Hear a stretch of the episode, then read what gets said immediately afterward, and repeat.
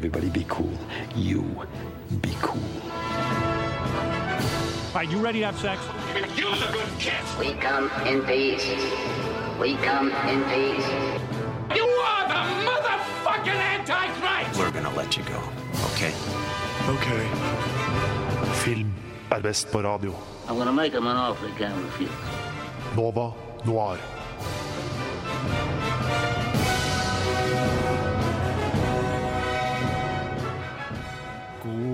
Morgen, alle sammen. Velkommen til Nova Noir. Mitt navn er Tage Rivas Tollefsen, og i dag, dere der ute, eller dere som hører på etterpå på podkast, shout-out til dere.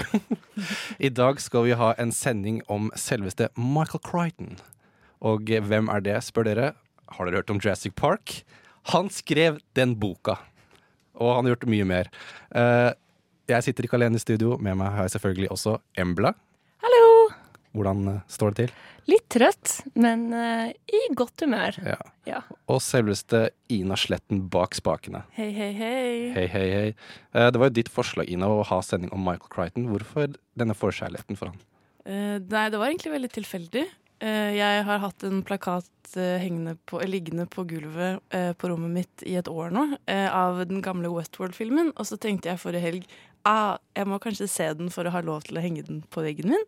Og så så jeg den, og så så jeg det var, det var han som skrev Jurassic Park. What? Så du visste ikke det, faktisk? Nei. Ok. Uh, nei, men det gjorde han. Og han har faktisk uh, lagd en del filmer og TV, og han har gjort veldig mye kult, så vi skal denne, disse to timene snakke om godeste Michael Crichton, og eh, særlig filmene som han har lagd, eller som han har lagd som kanskje ikke er så veldig kjent, i hvert fall ikke i vår tid. da. Det er, han gjorde mye på 70-80-tallet, så, så har han ikke gjort så mye film siden det. Så det er gøy å gå tilbake og grave fram litt sånn kanskje skjulte skatter, hvem vet. Uh, men vi skal også ha to eh, Anmeldelser? anmeldelser, to premierer. Um, men først uh, skal vi snakke litt om hva vi har sett siden sist. Du lytter til Radio Nova. Det vi har sett siden sist Jeg kan vel starte med deg, Embla. Yes! Eh, jeg har jo fått dilla på eh, Filmoteket. Har dere hørt om det? Er det eh, den bibliotekstjenesten hvor du kan se kortfilmer og diverse? Det var det jeg trodde, så jeg har aldri sjekket ut det. Men det er Filmbib. Det Ja, man- stemmer. Ja, ikke sant? De har også noe som heter Filmoteket. Uh, og der er det sånn begrenset antall filmer du kan leie, så du kan leie maks fire i måneden. Men det er også mange flere større, liksom ordentlig bra filmer, da. Og litt sånn mer nisje, og ja, masse, masse, masse kult. Eh, I alle sjangere, så jeg har egentlig bare vært der. Og eh, første filmen jeg så, er Palo Alto.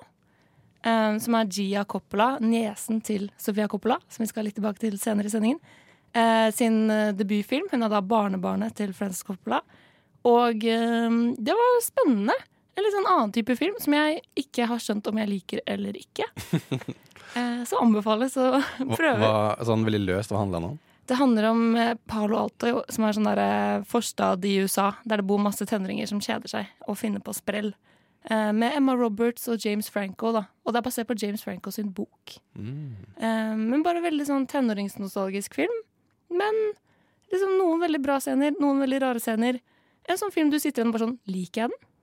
Jeg husker den regjerte eh, heftig på Tumblr-feeden min uh, når jeg var på Tumblr. Den er veldig sånn estetisk og veldig sånn type sånn tenårings... Treffer deg rett i hjertet. Ja, ja, ja. Og soundtracket gikk også veldig viralt. Mm. Dere er sikkert sånn, Hvis dere googler coveret, så kjenner dere sikkert den liksom fra albumcoveret på Spotify. Fordi veldig mange av de sangene har blitt veldig trendy. Nå tipper jeg alle som hører på podkast, de nå googler. Ja. det er akkurat det de gjør.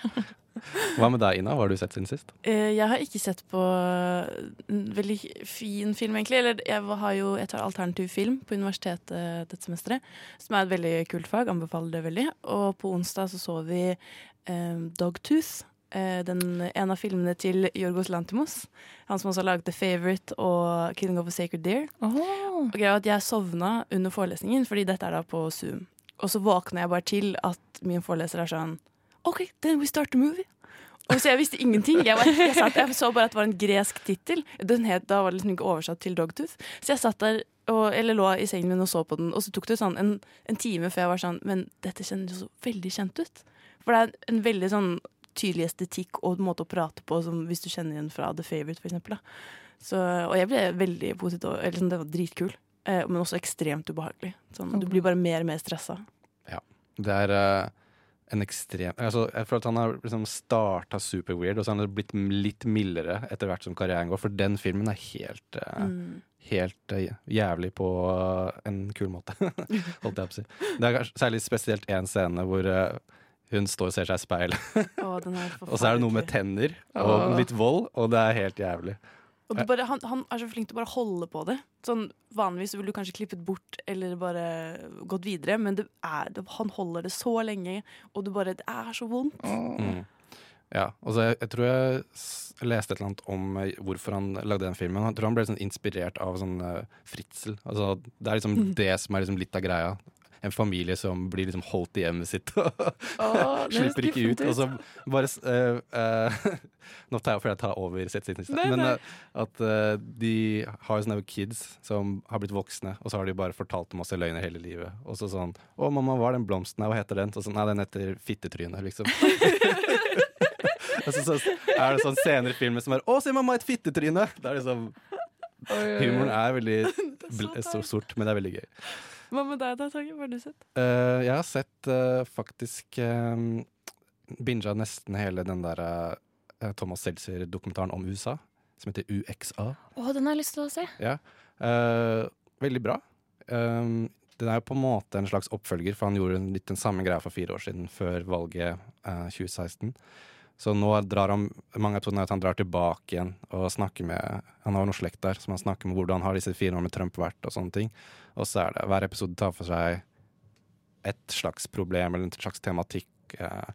Det er litt sånn Luther Root-feeling over det, men han har jo en annen personlighet. Han har en stil, så er det litt sånn Thomas Seltzer, litt sånn rocka, lettbeint fyr-humor, da. Eller stil. Fikk du lyst til å stemme på Trump etter å ha sett den? Eh, nei, jeg fikk ikke lyst til å stemme på Trump, men det jeg liker med den, er at han snakker med veldig mange sånn helt hverdagslige folk eh, i små steder i USA, hvor ting som, Altså, det er helt forferdelig hvordan ting er i mange steder i USA, med tanke på fattigdom og rus og eller dop og sånne ting. Så jeg skjønner på en måte at mange har stemt på Trump fordi at de følte at han er den eneste som kan hjelpe dem å få jobb og sånne type ting. Så ja, faktisk fått litt mer forståelse for mange, hvorfor mange liksom, i de der forlatte stedene i USA stemmer på Trump. Eh, For de føler at han er liksom eneste som er sånn got your back, eller dems rygg, da, holdt jeg på å si. Har du mye fokus på valget som kommer? Uh, nei, ikke så mye. Han spør noen sånn her Skal du stemme på Trump igjen? Men det er ikke liksom det som er fokuset. Det er mye mer fokus på hva, hvordan ståa er. Og hvor sånn, For eksempel sånn opioidkri, opioidkrisen og fattigdom og mye sånn eh, Eksempel de som er sånn helt på venstresida og de som er helt på høyresida. Snakke med folk som er sånn Black Lives Matters. eh, nå fikk jeg Organis Jeg klarer ikke å snakke. Organisatorer. det var veldig kult, da. Den Ja. skal jeg se. Og så neste episode, da snakker han med han der Proud Boys. Uh, the founder of Proud Boys. Og den uh, gleder jeg meg til. Episode seks, tror jeg. Eller fem. Så det er en kul, veldig sånn lett å se serie. Så er det sånn, Hvis du er sånn åh, vi har det så bra i Norge, så er det sånn du får litt sånn der skadefryd av og til. Og se hvor godt eh, vi har det i forhold til hvor jævlig det kan være i USA. Ligger den på NRK? Mm, NRK. Så det ligger fire eller fem episoder ute. Så det er bare å sjekke det ut. Eh, Men eh, før vi skal gå over til Michael Crichton-temaet vårt, så har du, Embla, sett On The Rocks, og den skal du anmelde rett etter vi hører Forest Gump av Kings Lose The Engineer.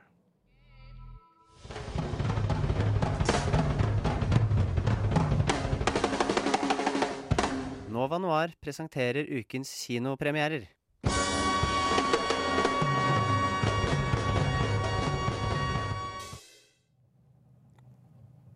Yes. Og Embla, du har sett On The Rocks, den nyeste filmen av Sofia Coppola. Yes, jeg har vært på kino og sett den.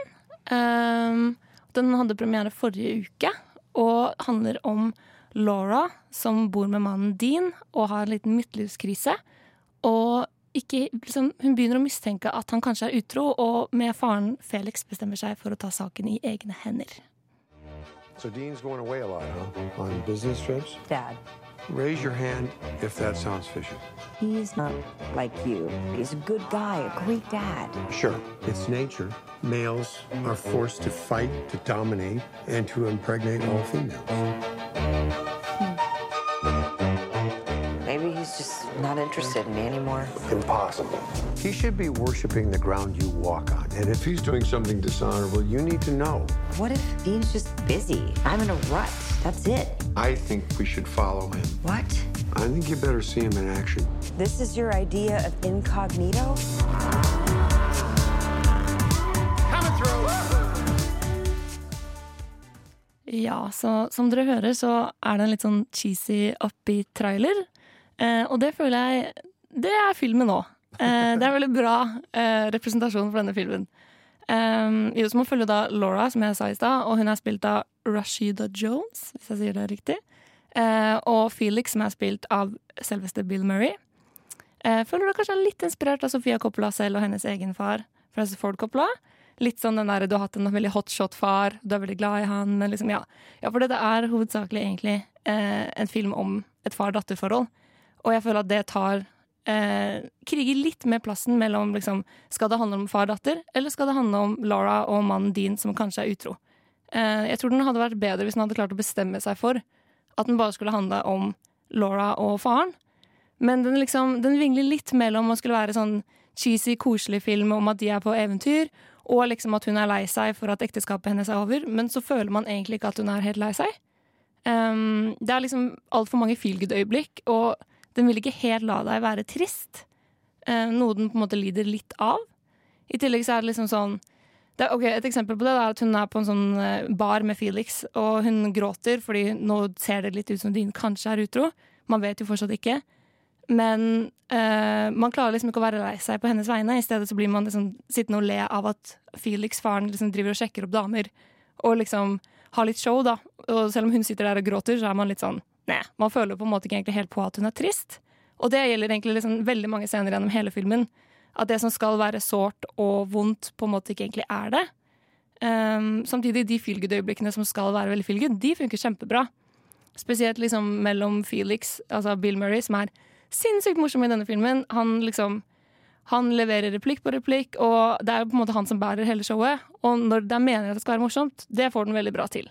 Men den hadde liksom kledd Spesielt fordi Sofia Coppola er kjent for å være såpass liksom eh, modernistisk og drømmende, og liksom ha filmer som er veldig sånn eh, Handler om det, dyp, det indre og det, liksom det dype.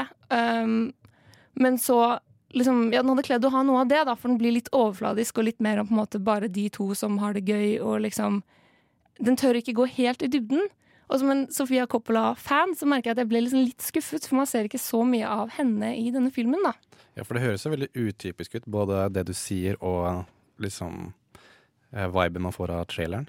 Ja, veldig. Men eh, det jeg var veldig nysgjerrig på, var eh, kjemien mellom Bill Murray og Rashida, Rashida Jones. Fordi sånn rent estetisk så kjøper jeg ikke helt at det er far-datter. Men jeg vet ikke om du fikk den følelsen at de var far-datter når du så filmen? På en måte ikke.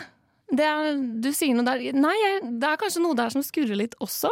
Men hun ligner jo litt på Sofia Coppola. Det er der jeg får den der teorien om at hun har liksom kastet en som liksom skal spille seg selv. Um, jeg så sånne bilder fra sett hvor de står sånn på rekke. Og det ser liksom ut som to Sofia Coppolaer og Bill Murray. Uh, så jeg lurer på om det kanskje er der det kommer fra. Men ja, kjemien er på en måte litt off, og det gjør også sånn fordi mye av denne filmen bygger opp til en slags sånn konfrontasjon. Hun føler at altså, han, faren Bill Murray har jo kanskje ikke helt vært den faren han skulle. Han har også selv kanskje, altså, holdt på litt back in the day, vært litt playboy. Hun er jo på en måte sint på han, og det er jo kanskje det underliggende. Hun er kanskje ikke egentlig så sint på mannen sin. Eh, men man, den kjemien er liksom aldri der. Og man tror kanskje ikke helt på at hun egentlig er så sint. Det, liksom, det ligger ikke mellom linjene. Det er sånn, Hun sier det til han 'jeg er sint', og så er han sånn 'å, det er trist'. Men du får aldri føle det. Og det lider denne filmen veldig av, da. Eh, men jeg skrev jo en veldig skuffa anmeldelse på radionova.no, som dere kan gå inn og lese. Men det er viktig å presisere at den er jo ikke en dårlig film. Det er bare dårlig til å være Sofia Coppola. Fordi du, du ble skuffet, rett og slett? Jeg ble rett og slett utrolig skuffet. Det er en helt OK film. Det liksom en, ja, jeg ga den seks av ti. Som er liksom sånn Det er en bra film, du bør dra på kino. Kose deg, du kommer til å le masse.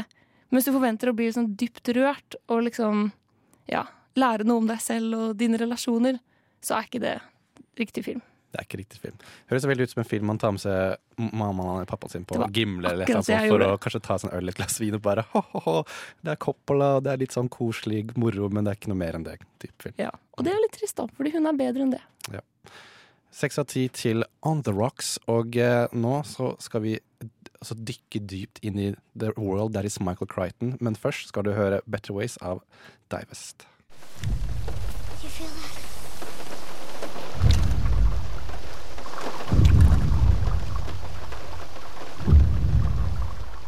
Nova Noir. Det merkes på tyngden. Yes, nå er det på tide å snakke om godeste gutten sjøl, Michael Crichton. Og jeg lurer litt på, Embla og Aina, hadde dere lest noen bøker av han, eller dere har vel kanskje sett et, noe som, han har, som er basert på hans verker, men jeg tenkte sånn først, sånn, hva, sånn, hva visste dere eller hørte om Michael Crichton før dere gikk, gikk, oss ut på den sendinga? Jeg husker bare at uh, lillebroren min har lest den Jurassic Park-boka i sånn to år. For han har bare ikke kommet seg helt gjennom den. Ah. Ved, og at jeg hadde lyst til å låne den veldig lenge. Men annet enn det så har jeg egentlig bare tenkt sånn som jeg nevnte tidligere i sendingen, at jeg bare jeg har egentlig bare hvis aldri forstått hvem han var, og hvilken posisjon han har hatt da, i, i popkulturen, egentlig. Jeg har ikke visst hvem han var i det hele tatt. Eh, når dere sa vi skulle ha Michael Crichton-sending, så var det sånn Hvem er det? Null idé. Um, men uh, jeg hadde jo hørt om Jurassic Park, da. Jeg visste ikke at det var en bok. Um, eller at den var skrevet av en fyr som også hadde skrevet uh, filmmanus. Liksom, jeg var sånn Ja, den filmen har jeg hørt om. Men det var det. Westworld hørtes kjent ut, men det er bare fordi jeg har sett uh, HBO-serien. Mm. Har aldri koblet det opp mot han. Eh, så dette var en person jeg ikke visste noe om. Som er litt sånn rart, siden han er såpass kjent, egentlig. Ja, det syns jeg er litt gøy med å ha temasending om han, fordi når man først begynner å undersøke litt, så er det utrolig mye som er basert på hans verker. Eller han har et sånt finger med i mye rart. Det jeg ble mest overrasket over, var at han hadde vært med på å lage ER, eller Akutten som det het i Norge, hvis dere husker det. Det var sånn, eh, ja, det var sånn, eh, sånn serie hvor sånn reality på et sykehus. På Akutten. For han, jo, han skulle jo bli lege, eh, men så sluttet han for han syntes det var så sykt kjedelig. For han hadde lyst til å satse på å skrive bøker i stedet. Og jeg tror det er det som er veldig sånn kult med Michael Crichton, at du ser i alle verkene hans som vi skal snakke om i dag også, at alt er veldig grunnet i eh, ting han åpenbart kan veldig godt. Og det føles veldig realistisk og veldig virkelighetsnært alt sammen. Og jeg føler fordi han har den bakgrunnen han har, da. Mm. Og veldig mye av filmene hans er basert på Eller faller i en slags sånn subsjanger som blir beskrevet som techno-thriller, hvor det er veldig mye sånn fokus på at en eller annen sånn ny teknologi er uh, truende og faretruende og sånne ting, og det ser man i veldig mange av filmene. Og så er det også veldig mye, som du sa, eh, sånn medisinrelatert. Det er flere av, to av filmene vi skal snakke om, er som en lege som er hovedkarakteren. Så du merker jo at han skriver veldig mye av det han er opptatt av. Men så er det også f.eks. Westworld og Jurassic Park, som er på en måte to veldig like filmer i det at premisset er en av sånn rar temapark hvor det er liksom teknologi som har liksom gjort det mulig. Eksempel i Westworld at man, det er sånne roboter som finnes. Så kan du liksom dra til liksom Westworld eller Roman World eller osv. Men så går det gærent, vet du, og da må du ut av parken, fordi teknologien kan du ikke stole på. Og det er jo det samme i Jurassic Park, bare at det er liksom mer sånn bio, bio- bioengineering som er på gang. Jeg føler han hadde en slags tidlig Black Mirror eh, Det var akkurat det jeg tenkte ja! At sånn, alt har liksom en sånn Det er fett med ny teknologi, men det er alltid en eller annen mørk undertone der, og at uh, mennesket sitt sanne jeg kommer fram, og at vi kommer til å misbruke det på en eller annen måte, da. Veldig 2020-tematikk han uh, lekte med. Ja, men det tror jeg lå litt i tiden på 80-tallet, eller sånn sent 70-tallet òg, for da begynte sånn computer å begynne å bli en stor greie, og da er det selvfølgelig Å nei, ny teknologi, vi, dette er ikke bra. Og det er litt sånn som Black Mirror er veldig mye sånn sosiale medier, da, sånn der, å nei, skjermene er ikke bra. men uh, ja, han har skrevet utrolig mye kult, og, men jeg har ikke, den eneste filmen jeg har sett før den sendinga her, av han, var Westworld, som kom ut i 1973. Og eh, den så jeg bare fordi at serien skulle komme ut, og da ville jeg liksom ha sett hvordan filmen var før jeg så serien. Uh, Luring. ja. Tenkte du over hvem regissøren var da, når du så den? Jeg hadde hørt Michael Crichton-navnet bare fordi jeg eh, hadde diskutert med en kompis at oh, Jurassic Park-boka er bedre enn filmen. Eller et så sier jeg det tviler jeg så jævlig sterkt på, fordi den filmen er ikonisk. Men uh, jeg har liksom fått navnet i hodet, da. Så når jeg så Westworld-filmen, så var det oh, Michael Crichton. Å ja, det er han som har skrevet Jurassic Park. Å ja, to, om, eh, to bøker om sånne parker. This guy is not very creative. Men så har han gjort veldig mye som ikke er eh, temaparker også, da. Så jeg tar det tilbake i retrospekt. Now, if any of you sons of bitches got anything else to say, now's the fucking time! Nova Noir sier ikke annet enn det som er verdt å si om film. I didn't think so. Og den første filmen vi skal snakke om om selveste Michael Crichton, det er Westworld. Og den var du veldig Nå har du, sett filmen, Ina. Nå kan den henge om på, på plakaten. Det var faktisk en, en risk der. Hva om jeg ikke liker den? Får jeg lov til å fortsatt henge den på, på rommet i dag? Fordi det handler jo om Den er jo eh, fra 1973, og det er Michael Crichtons debutfilm. Og den handler jo om da eh, to kompiser som skal eh, reise på ferie til dette fantastiske lekelandet, på en måte. Hvor du kan velge mellom tre eh, tre versjoner, og det er da Westworld, hvor du kan være i den ville vesten. Eller så kan du være i eh, Aten, den gamle eh, Aten med alle filosofene, og få spise druer ut av hendene til flotte kvinner. Eller så kan du være i, i middelalderen. Og, det var ikke noe bra pitch på Middelhavet. Så kan du spise, uh, drikke, masse øl og rive kylling fra benet, type ting. Uh, det er det jeg tenker. Um, I hvert fall de drar ned hit, skal ha en, en fet helg uh, sammen. og så samtidig, da, parallelt med ferien deres, så ser du fra bakrommet at flere av maskinene begynner å oppføre seg litt merkelig, og det har fatale konsekvenser for gjestene. Where you can live out your every fantasy. Each resort is maintained by reliable computer technology and peopled by lifelike robot men and women. Desire ends in satisfaction and all in a controlled environment.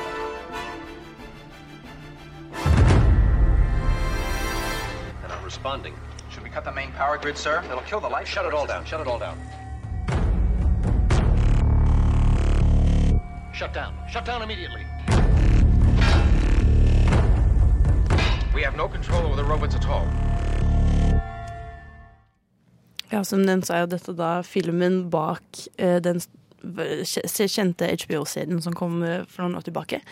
Og den handler jo da om eh, Peter og John eh, som skal prøve å oppleve det i leve i den ville vesten. Hvilken verden tror dere at dere hadde valgt? Det tenkte jeg mye på når jeg så den. Enig. Vanskelig. Um, jeg er ikke så veldig gira på Vesten, egentlig. Men jeg vet at i um, TV-serien, sånn helt på slutten av første sesong, så uh, oppdager man at det finnes sånn uh, Samurai World eller et eller annet sånt. Eller sånn Japan World, eller hva skal kalle det. Og jeg syns det virker kult, men det er ikke filmen, da. Dessverre. Men ikke fra de, de filmene, da? Uh, nei, kanskje Roman. Samme her, tror jeg. Ja. Det Ja, virker det bare litt kulere. Ja. Ja. Og litt sånn Nei, det bare så litt lekrere ut, liksom. Og det er veldig gøy i løpet av filmen også, for de har denne parallellen. Fordi Samtidig som du da følger disse kompisene, så får du også følge én fyr som bor i sånn middelalderen, og eh, hva han holder på med. Og det er veldig kult, fordi de hadde dritfett og fester og sånn, og så klipper de til at eh, de kompisene sitter rundt bordet på sånn kjempestille matbord og spiser liksom sånn poteter. og bare sånn Ja, hvordan har har det gøy her, egentlig? Og sånn ja, nei, det er jo en salong her nede da, som dere kan gå til. Det Virker liksom ikke så fett, da. Mm. Men pitchen er jo litt, i hvert fall i serien, at her kan du drepe folk og pule horer, og det gjør ikke noe, for de er bare roboter. Men de, det er ikke så mye den tematikken i filmen. Det er liksom litt sånn herre ah, drep Og der kommer sånn gunslinger, drep han, da. Men uh, de går ikke så veldig mye dypere enn det egentlig i den filmen her, som de gjør i TV-serien. Jeg føler at det er egentlig viktigere for de bikarakterene som du bare får innblikk av. Det er de som liksom eh, begynner å liksom forføre de andre robotene, og de er prøver å være liksom ekle. Eh, og så får de liksom svi for det etter hvert, på en måte.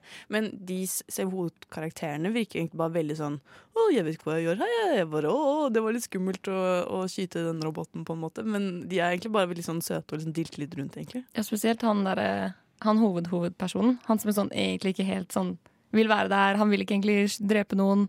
Veldig skeptisk til å skulle ligge med hun prostituerte i den salongen. Han er jo veldig sånn søt. Han virker litt lost.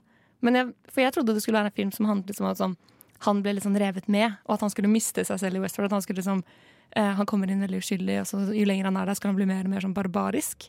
Men det var ikke det denne filmen var. Og så ble jeg veldig overrasket, for jeg hadde, jeg, som du også hadde, en, en, en idé om hvordan den skulle være, og hvor intens den skulle være. Men den er tar jo som veldig sånn kjent sånn 78-tallsstil ganske lang tid. Det er veldig mye sånn eh, sakte sånn panorering rundt på, ofte sånn eh, i bakgrunnen når de driver og fikser roboten og sånn. Det syns jeg var veldig gøy, at de drev, liksom, gikk rundt og går rundt i sånn sykepleierklær og oppfører seg sånn om eh, om robotene er ekte mennesker og sånn. Sånn, ja, hva er han inne for i dag, da? Det, virker veldig hyggelig, bare.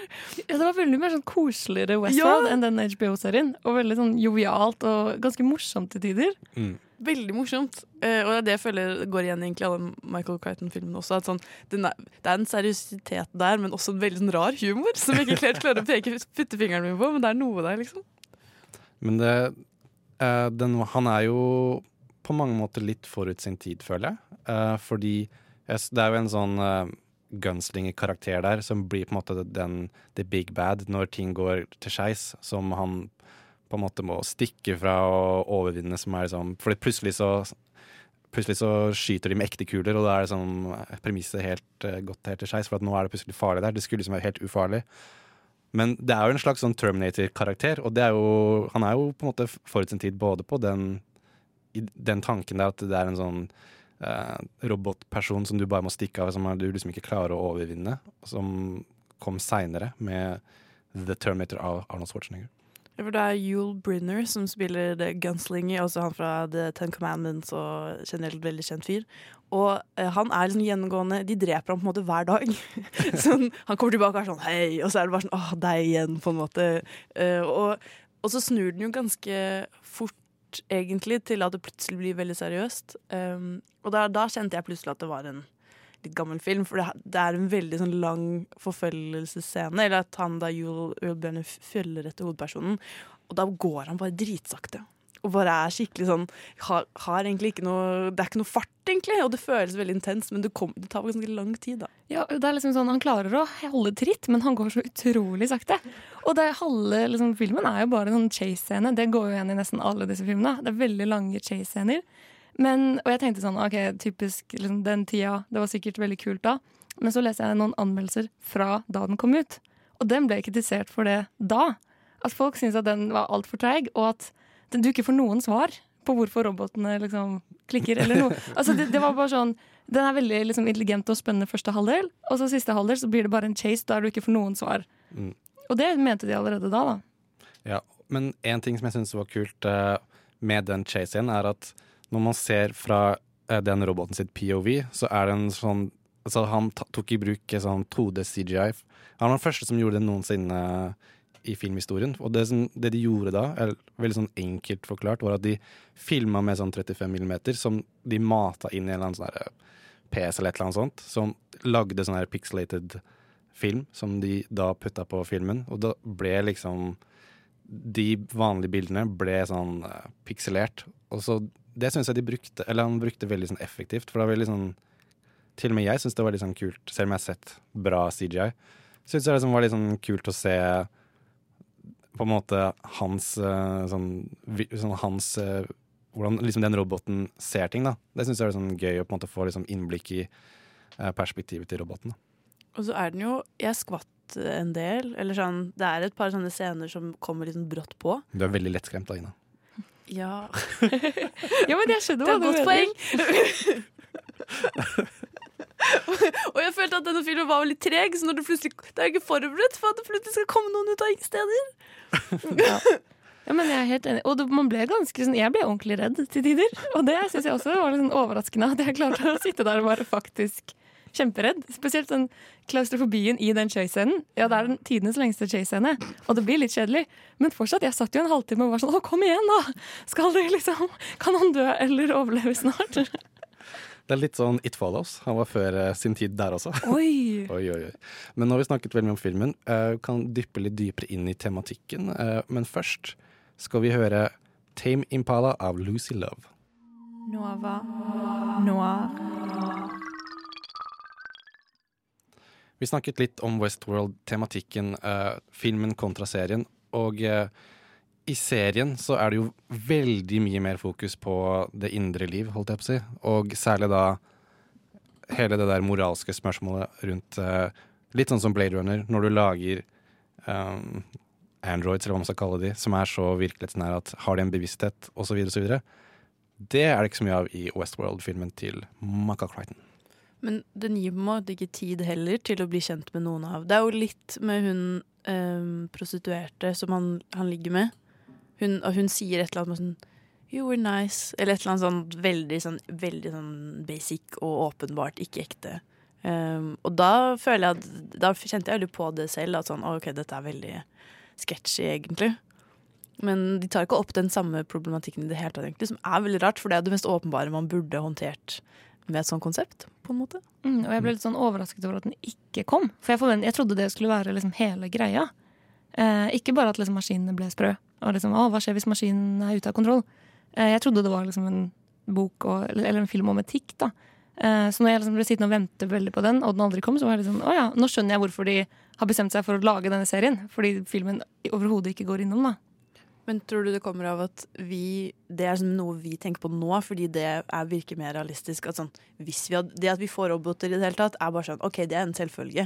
Men det at de har bevissthet, det er liksom vår greie. Men eh, når den her kom på eh, 70-tallet, så var det på en måte bare det at man hadde roboter som så litt ut som mennesker, det var sjukt nok i seg selv. Det kan godt hende. Og så ser vi det i lys av serien nå, da. Eh, og Blade Runner og liksom sånn den tematikken har kommet mer i lyset. Ja. Um, men han i Jurassic Park, for eksempel, da, så jeg føler jeg at det er uh, mye mer uh, altså, Der tar han tid til å snakke om Ja, um, det er jo den, det sitatet som uh, er sånn at de forskerne var så opptatt av å If they should Nei, if they could They forgot if they should. Også. ok, det sa jeg veldig dårlig. Men uh, det, er, um, det er litt greia Det hopper de over da i Westworld-filmen. Men han har tatt seg veldig mye tid til det i uh, Jurassic Park, fordi ja, man kan lage Selv om man kanskje kan lage dinosaurer, burde man gjøre det. Også, hva, kanskje, hva kan gå gærent, f.eks.? Det er jo ekte dyr, da, på en måte. Sånn følelsene, eller sånn sansende vesener på en veldig sånn organisk måte, i hvert fall. Tror du han hadde, Hvis han hadde fått skrevet Westworld på nytt på en måte i nyere tid, tror du den hadde vært mer lik? Jeg vet egentlig ikke, men jeg føler at altså, det premisset med at hvis vi lager eh, sånne roboter og sånn kunstig intelligens, så hvis den blir for bra, så er det farlig fordi den kan liksom, turne på oss. Og det, det føler jeg er sånn reell frykt som folk har i dag også, nå som kunstig intelligens har liksom, kommet mye mer uh, videre. At folk sånn, har sånn noia for at oh shit, Uh, det er bare én ting som kan skje hvis den blir for bra. Den, den kommer til å utslette menneskeheten. Så det er jo For at han var på en måte tidlig ute med Altså, det konseptet er en ting som vi tenker veldig mye på den dag i dag. Men jeg føler at den filmen kunne vært mye bedre hvis han hadde kutta ned 40 minutter med, med chase-in, og så heller gitt oss litt mer innblikk i uh, de der robotkarakterene. At de kanskje snakka sammen osv. Ja, det er veldig sant. Men så var det jo også på en måte debuten hans. Så kanskje liksom hvis han hadde lagd den ti år eller 20 år senere, da, når han var litt, litt lenger inn i karrieren, så hadde den sett veldig annerledes ut. Mm. Jeg leste at han hatet liksom, hele prosessen av å lage Westworld, og at han ble helt sånn utslitt etterpå å måtte ta et år pause. Hvor han bare liksom kom seg, fordi ingen hadde tolket filmen hans riktig. Så jeg lurer på hvordan han ville at den skulle tolkes, da, men han hadde sett på den liksom, i en kinosal med masse publikum. Og så har han hatt liksom, de hadde ledd på helt feil steder, det hadde vært suspens på helt feil steder. Han følte at den bare var skikkelig misforstått, og så hadde han blitt så lei seg at han bare var sånn 'Jeg skal aldri lage film'. Men uh, ikke for å hate for mye på Michael Crichton, men jeg føler at han kanskje er litt bedre til å skrive enn til å lage filmer. Fordi uh, vi skal snakke om tre filmer til, men jeg tror i alle filmene jeg så av han, så begynte jeg å le hver gang det var action eller et eller annet dramatisk som skjedde, fordi det er så komisk uh, gjort. Og og det føler jeg ikke er bevisst. Det er sånn ufrivillig humor der. Ja, og så når han så det med publikum og alle lo, så ble han sikkert så lei seg. Mm. Stakkars gutt. Uh, men Westworld uh, jeg, synes, jeg, vil anbefale å se den, faktisk. Selv om den er litt sånn treig og litt rar, så syns jeg den, den er liksom et eller annet sånn kult med den. Det er noe sånn sci-fi western. Det er sånn, og særlig hvis du liker serien, så er det absolutt verdt å se filmen også. Fordi det er jo bra source material å bygge videre historie på. Og det er jo fordi at den filmen hadde noe veldig kult ved seg. Selv om kanskje han ikke er den beste til å regissere. Uh, vi skal snakke om en annen film han har lagd som heter Coma, hvor vi da trer inn i det han vet best, nemlig medisinverden. Uh, men først skal du høre pa Pas le Croix av Doria. Du Du Du hø hører på. på Radio Nova. Eh, Vi beveger oss videre til neste film som kom ut i 1978, eh, og den heter Coma. Eh, Den handler om Det tar sted på et eh, sykehus, hvor den ene legen, spilt av Genevieve Bugeaud, merker at det er et eller annet som ikke stemmer når venninnene skal inn for en sånn veldig sånn enkel operasjon, men faller i koma, og så mener hun at det er et eller annet fishy som skjer på dette sykehuset her. Best-selling mystery becomes the most thrilling suspense film of the year. Jean-Pierre Bougeot is Dr. Susan Wheeler. Been about a dozen of these coma cases here in the last year. They're always different. Hard to imagine it's murder. Are you sure? Susan. Somebody is putting people into comas. They're murdering them.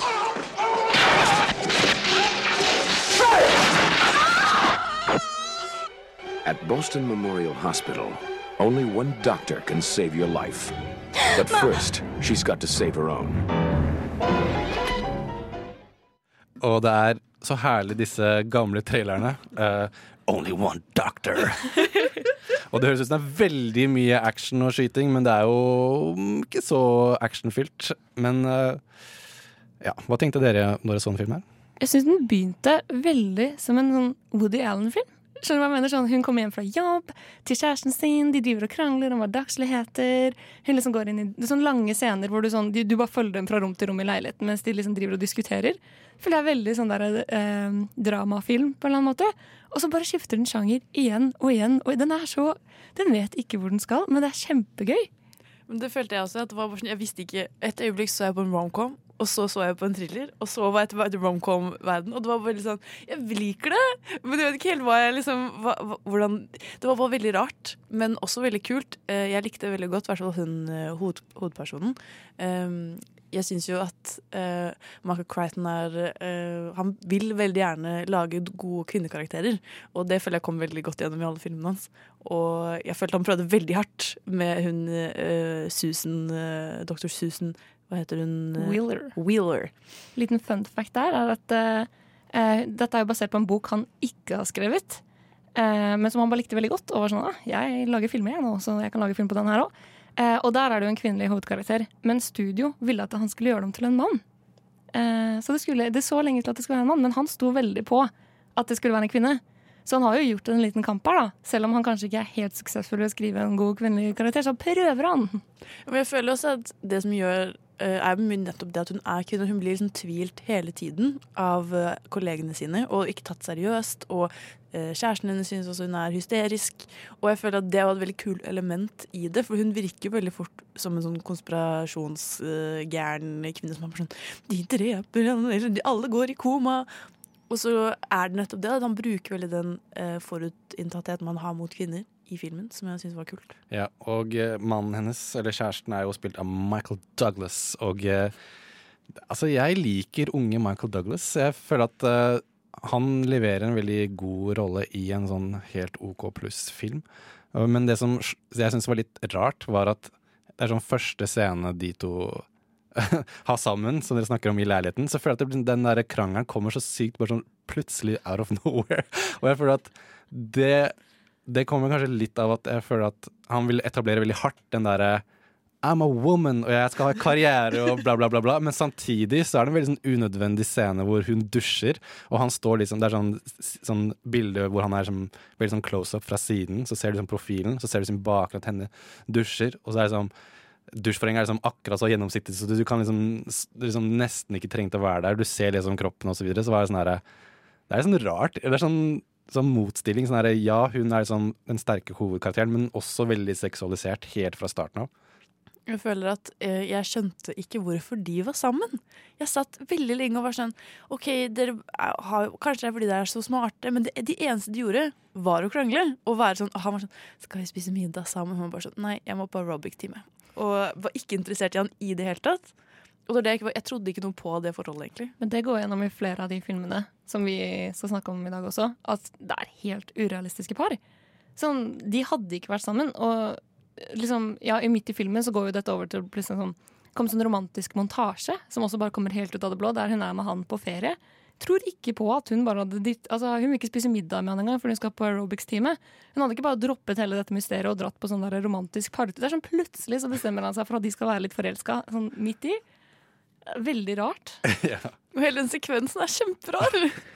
Det er bare sånn ti minutter med sånn, sånn søt musikk, og at de liksom ruller rundt i gresset og, og kliner og, og spiser middag og drikker vin. Og jeg ble bare sånn Hva er dette for noe? Sånn, jeg var midt i et veldig spennende mordmysterium her, og så bare kommer det, kommer det inn en sånn liten romantisk komediebit. Ja, det er, alle filmene hans er litt sånn hvis du, hvis du plutselig ser vekk eh, i ti sekunder, så ser du opp, så plutselig kan du ikke skjønne hva som foregår i det hele tatt, for plutselig har filmen bare hoppa Og en ting jeg la veldig merke til, er klippeteknikken hans i alle filmene, fordi han er veldig glad i sykt harde cuts, hvor du kanskje kan snakke om sånn herre OK, I'll see you at the office later, og så går det sånn kutt, og så bare er de på kontoret.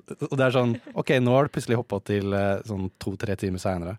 Uh, også veldig sånn, uh, sånn lydbilde og musikken. De kan liksom være i en, et sted hvor det er veldig sånn mye musikk, og så hopper de, kutter det brått, og så plutselig er de i et sånn helt stille landskap. Men en ting som var sykt irriterende med Koma, og vet ikke om dere la merke til det, var at hver gang de er i sånn der, Der det er masse sykesenger og sånne ting, så er det sånn derre Sånn, det høres ut som de spiller sånn der gammeldags sånn der, Atari 64 eller noe sånt. Sånn der, blup, blup, blup, Lyder i bakgrunnen hele tiden, og det er fra, og det er fra de der heart-monitorene eller sånne ting. Så det er sånn her, du vet sånn pip, pip. Det er sånn, hvis du ser den filmen og tenker på det, så er det helt umulig å se filmen, føler jeg. For at det er sånn 8-bit-lyd hele tiden. Det så, og det blir så sykt irriterende, for hver gang de var inne i et sånt nytt sykested, sånn å nei, ikke igjen, for nå kommer de der 10 000 plipp-lopp-lydene oppå hverandre igjen. Så som lyddesignstudent så var det ikke godkjent, altså. Ja, jeg skjønner. Men uh, vi skal snakke mer om denne filmen, men først litt musikk. Eh, vi skal høre 'Dama runka' også av The Camel Toes. Nova Noir. Du hører på Nova Noir på Radio Nova, og vi snakker om Michael Crichton og hans film 'Coma'. Og uh, det er- er en film som skal være en thriller, og en sånn konspirasjonstriller. Hvordan syns du den funker som en konspirasjonstriller, egentlig, Ina? Mm, kan du si det igjen? Hvordan syns du filmen funker som en konspirasjonstriller? Det syns jeg at den øh, Den er ikke like sånn øh, Den blir ikke like konspiratorisk som kanskje de andre filmene hans etter hvert. Jeg føler han graver seg mer og mer ned i et hull med årene. Eh, men jeg føler jo at det ligger en sånn liten Hvis noen er litt redd for en lege, eller litt, litt redd for å liksom, få bedøvelse og sånn, så føler du ikke burde se koma. For den gir den der forsterkelsen av at ja, men de gjør det med vilje, og jeg kommer aldri til å komme opp igjen, og det er ingenting du kan gjøre med det. Og litt sånne maktgale leger som eh, bare vil gjøre alt for forskningen sin del. Eh, hva tror jeg liksom kan Det er veldig der i det landet der det ligger. Så det er jo en veldig liten frykt som flere kjenner på, tror jeg. Jeg syns det er spennende hvordan han liksom tar tradisjonelle good guys og bruker dem som på en måte um, antagonistene. da. Det er liksom en litt morsom twist. Um, samtidig så er det liksom Jeg føler det underliggende her, og som går igjen i mange av filmene, så er på en måte kapitalisme. Liksom, vi vil gjøre alt for penger, penger, penger. penger. Uh, og at liksom selv de på en måte snille i samfunnet uh, kan kjøpes for penger, da. Mm. Og så er det veldig mye den der politikken på sykehusene. Å nei, du, for at hun blir jo veldig opptatt av at det kanskje er noe gærent som skjer, så begynner hun å snakke med forskjellige folk rundt på sykehuset, og så blir Michael Douglas karakter veldig sint der, fordi Vet du hvem det der var? Det, det som, hun har masse, masse penger, masse innflytelse, nå kommer ikke vi til å Nå kommer vi til å slite med å få bedre karriere osv., for at eh, du liksom trykker på de feil knappene osv. Men så er det jo også en ting som frustrerte meg litt, men som kanskje gir det gir jo for så vidt også mening, men det er litt frustrerende, at hun møter kun motstand fordi ah, hun er bare en gæren dame. At det er veldig mye det, da. Også, Mm. Men det er jo sikkert um, også på en måte ganske realistisk, som også er litt frustrerende å se på. At uh, hun blir veldig sånn Ingen tar henne på alvor fordi at hun er kvinne, virker det som, men så er det også, får man skjønner man at uh, veldig mange er liksom med på det her, da. Noe jeg reagerte litt på, for når jeg så den, så visste jeg ikke at han eh, er lege. Eller hadde vært utdannet Eller han har jobbet litt som lege òg, tror jeg. Uh, og jeg tenkte liksom sånn ah, Dum uh, fiksjonsforfatter skal skrive og late som han kan ting. Og så følte jeg at det var veldig urealistisk. Um, spesielt det at hun, hun blir jo nesten litt sånn hysterisk, fordi hun klikker jo Eller det som gjør at hun blir helt sånn der eh, Å, her er det noe muffens, er jo at bestevenninnen hennes havner i et koma. Men det er ganske sannsynlig å havne Eller sånn, det, ikke, det skjer kanskje sånn tre-fire ganger i året, da. Så det at hun skulle havne i koma, er ikke egentlig så rart. Selvfølgelig, når hun merker at det har skjedd med mange, så gir det jo mening. Men jeg føler hun er veldig på. Liksom Veldig raskt går til den konklusjonen at her er det noe muffins, når det egentlig er ganske liksom, realistisk at noen folk havner i koma. på en Mm. måte. Og det er jo litt skummelt å vite. Ja. da vet vi det. Men føler dere at sånn Fordi poenget er jo når de kommer ned Eller sånn hvorfor de legger folk i koma, da. Um, skal jeg ikke, eller sånn, grunnen til at de gjør det, føler dere at det er liksom en realistisk grunn til hvorfor man eller sånn, ofrer så mange liv, på en måte? Jeg vet ikke helt, jeg. Men um, det, det kan hende teknologien, eller liksom, hvordan, hvordan man gjør det nå, er litt annerledes. Da. Men det er jo ikke noe man, i hvert fall ikke jeg som hverdagslig person, tenker så mye over. Jeg bare tenker sånn, ja, man må gjøre det sånn fordi sånn er det. Og det er det sikkert også. Men jeg syns det var litt Den scenen hvor hun bestevenninna blitt lagt i koma under operasjonen, hvor det går gærent. Jeg syns det er veldig kult, for han tar seg liksom tiden til å forklare hele prosessen. Fordi det er noen sånne studenter der, eller noen folk som er i praksis, som observerer. Og da forklarer han anestesisykepleieren eller legen hva det er for noe. Hvorfor og hvordan osv. Og, så og det syns jeg var litt fascinerende å se liksom, hele den prosessen. Og så er det ting som skjer som du tenker er helt sånn uskyldig, men så skjønner du som senere i filmen sånn Å, det der, det er sånn konspirasjonen funka, osv. Så, videre. så jeg syns det var litt sånn, litt sånn gøy sånn der skjult frampek, på en måte. Men jeg føler der, der det skinner gjennom at han er et veldig sånn øh, akademisk menneske. på en måte. Han vil forklare ting veldig øh, eksplisitt også. Og det er derfor sånn, disse scenene hvor de forklarer hvordan ting skjer. Jeg klarte ikke. Jeg fulgte ikke med. Jeg ble bare sånn OK, du, dette er som en, en hvilken som helst science fiction-film hvor de forteller meg om midichlorians, hvordan det fungerer. på en måte. Det er på en måte i den verden for meg, men han er fortsatt like opptatt av å fortelle det på samme måte som han kanskje også er litt for åpenbar i måten han forklarer plottet på ting også. Eksempel dette med kvinnekarakterene. At de er veldig sånn Jeg er en sterk kvinne, på en måte, fordi, nettopp fordi han vil gjøre det så Han er vant til at det skal være veldig tydelig, da. I måten han skriver på og lærer bort på. Ja, og det er jo kanskje litt eh, eh, altså, Hvis du kanskje ikke er så flink som regissør, at du bare forklarer det veldig sånn, sånn veldig sånn Du forklarer det rett ut. Du på en måte klarer ikke å vise det eller bruke sånne filmatiske grep for å vise hvordan ting funker. Og da blir det sånn her Sånn er det, sånn er sånn. Bare skriver det sånn rett ut. Kanskje han undervurderer scenen litt fordi han er såpass liksom sånn uh, renessansemann selv. da Han kan så mye om så mye, så kanskje han tenker at alle andre ikke kan så veldig mye. Eller sånn, jeg føler det går gjennom i filmen at han liksom hele tiden stiller sånne spørsmål som ikke jeg føler karakteren hadde stilt, men det er for at seeren skal få et sånn overtydelig svar. Mm. Det som skuffa meg litt med filmen, var at jeg trodde det skulle være litt sånn, sånn Jeg trodde at folk falt i koma fordi det var kanskje noe overnaturlig eller noe sånn sci-fi-greier der. Men det var jo veldig sånn Det er liksom noe, det er noen crooks i sykehuset som driver med et eller annet muffins. Så det syns jeg var litt kjedelig. Men det er ett, eh, en scene i filmen hvor de drar til en sånn her eh, fasilitet hvor de på en måte kan lagre folk som er i koma på en veldig sånn lite kostbar måte. Og da er det en sånn scene hvor det er sånn stort lager, hvor masse folk uh, henger nakne i sånne vaier og sånne ting. Og så er det sånn her, å, hvis du bare tar på dem, så kan, kommer computeren til å liksom regulere temperaturen til kroppen. Og Så ser det ut som at de liksom ble senket ned for å altså fordele blod i kroppen, et eller annet sånt. ting. Og bare Han er veldig flink på sånn her, sånn set design og sånne type ting. For det, det tenkte jeg bare sånn her, shit, hvordan har de fått til det der? For det er sånn 50 stykker som bare henger nakne i sånne her vaiere på sånne her sykt sånne her fancy high-tech måte. Så tenkte jeg hvordan, det der må ha tatt så sykt lang tid å liksom bare sette opp den scenen. Og så synes jeg synd på de statistene som bare henger sånn ti meter opp i lufta i sånn her Det ser så sykt ubehagelig ut. Ja, det var veldig kult. Det var mange kule elementer i filmen, selv om den er litt rar her og der. Så anbefaler jeg å se den, fordi jeg koste meg jo veldig. Og igjen veldig morsom og rar. Mm. Uh, og veldig, eh, ja, rar bare. Mm. Og det som også er litt gøy, er at de, alle legene i filmen hans, som er sånn hovedkarakter, er så sykt De kunne vært spioner også, for de er så, det er et scene i filmen hvor hun bare klarer å sånn snike seg rundt på og komme seg ut av alle sånne helt umulige situasjoner. Og det som også går igjen i all filmen hans, er at alle sånne fasiliteter har sykt dårlig security. Det er vel, typisk sånn derre folk som sitter og ser på TV og ikke følger med på monitoren. Men det var Koma. Vi skal bevege, bevege oss videre til Looker. Nok en film som eh, tar for seg et eller annet som skjer i medisinverden. Men først skal vi høre 'Kona og ikke ein mann' av Føkkefjord. Du lytter til Radio Nova.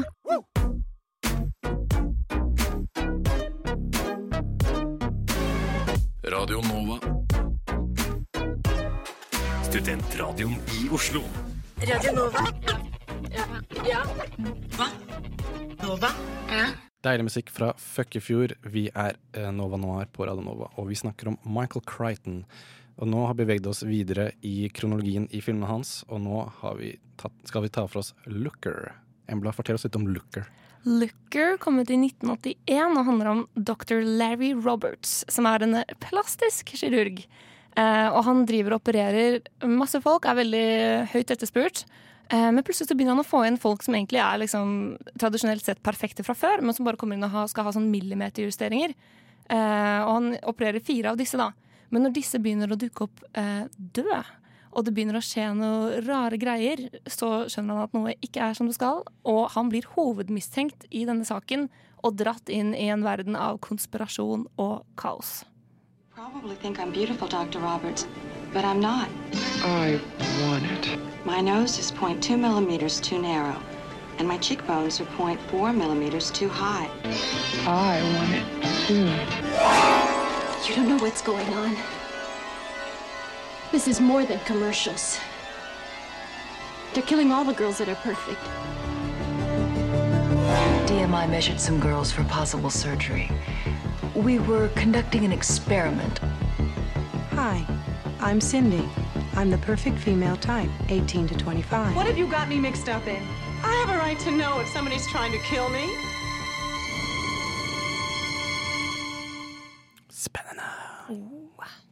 Um, altså, Looker. Nok en uh, godfilm, eller hva? Jeg vil si at eh, av, av alle de filmene vi skal snakke om i dag, så er nok kanskje dette egentlig det sjukeste konseptet. Over Westworld, egentlig. For jeg føler ikke det er for fjernt. Men Looker er noe for seg selv. Ja. Og jeg vil si at den starter jo på en måte med å ødelegge litt for hele mystikken i filmen, som var litt kjedelig for min del. For at det starter med at man ser en av disse eh, modellene som har blitt operert. eh, hvor hun da skal åpne døra når noen banker på. Hun er i leiligheten sin, og så plutselig kommer det sånn herre zoom, som flash, og hun bare, bare står stille. Og så plutselig så bare Oi, det er godt. Man skjønner at det er gått tid, for plutselig er hun har en hund som plutselig ikke er med henne, men den er inne på, låst inne på soverommet.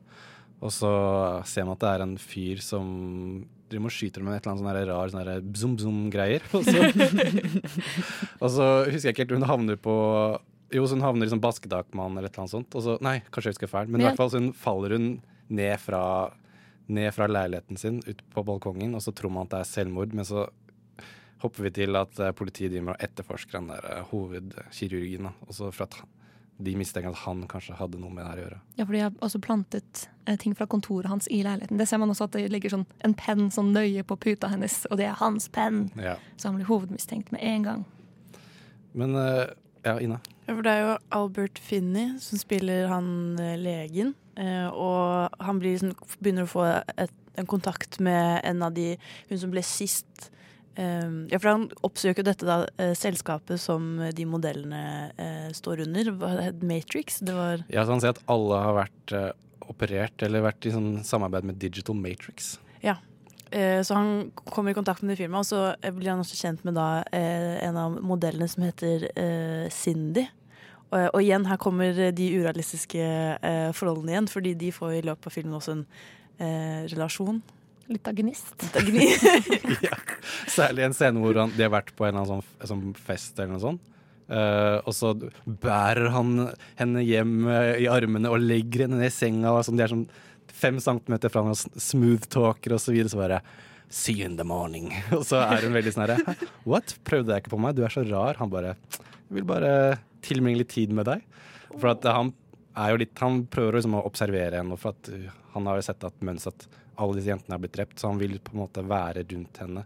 Så hun uh, skal være trygg. Jeg vet ikke helt Ja. hvorfor han henger med henne. For hun er jo siste av han, de han har operert, så han vet at hun er neste på lista til å bli drept. Eh, og istedenfor å si dette, så bare stalker han henne overalt.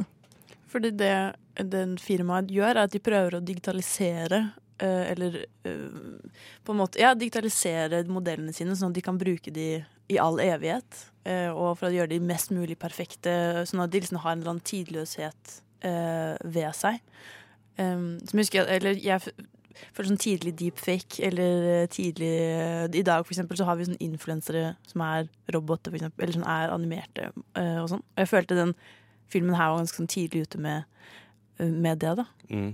Og det er også en veldig morsom eh, scene hvor denne modellen som han er med, eh, hun er spilt av Susan Day, tror jeg var. Um, hvor hun skal være i sånn reklameshoot, og så må de gjøre sånne 100 tagninger, fordi det der Digital Matrix er liksom på stedet. Og så er det sånn, sier de sånn Nei, hun, eh, hun må vri seg litt, for at det var liksom ikke perfekt movement, eller et eller annet sånt. Og så går han hovedkarakteren bak den Digital Matrix-bilen og serien, så ser det som at de driver liksom og Det er sånn robot, eller sånn, sånn computerprogram som skanner movementen hennes og sier sånn Nei, hun bevegde seg ikke Det var bare 98% perfekt movement, det var ikke 100% perfekt. Så jeg syns det er litt gøy at det er et konsept. Fordi at du tenker på sånn nå, så kan du liksom alle, folk som er døde inn i filmer og sånne ting. Særlig Disney og Star Wars og sånne ting har gjort det her. Så jeg syns det er litt morsomt at han syns at det her Han har sett liksom spørsmålstegn rundt det her veldig tidlig, da. For det er jo en ting som faktisk skjer nå til dags. Det er sant, Han er veldig før sin tid der. Det er veldig sånn, Dette kunne vært en episode av eh, Black Mirror. Absolutt. 100% Men jeg føler også at det kanskje sånn, der han sliter litt, er at karakterene er så tynne. Du merker at han bryr seg bare om plottet, og så har han skrevet en, sånn, skriver en sjekkas som kan være litt sånn kul helt, og så skriver han inn en uh, babe, liksom. Uh, men du sliter jo litt med å bry deg om de karakterene. Ja, absolutt. Plottet tar jo hele kaka, på en måte.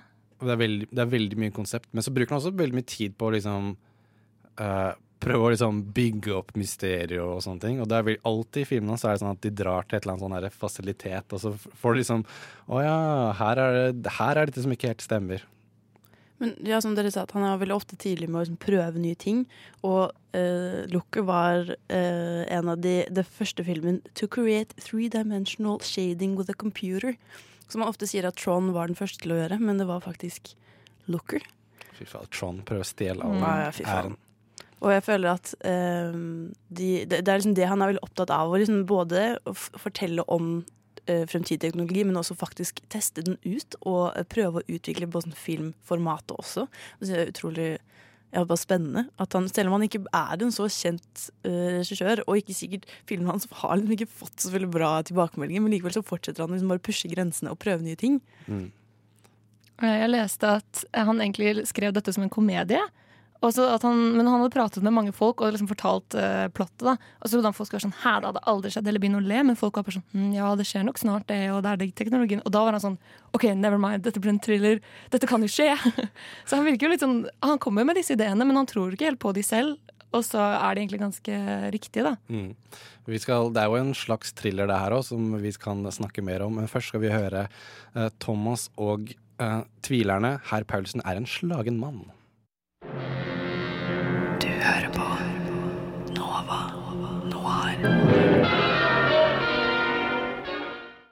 Looker av Michael Crichton snakker vi om her på Radio Nova. Vi er Nova Noir.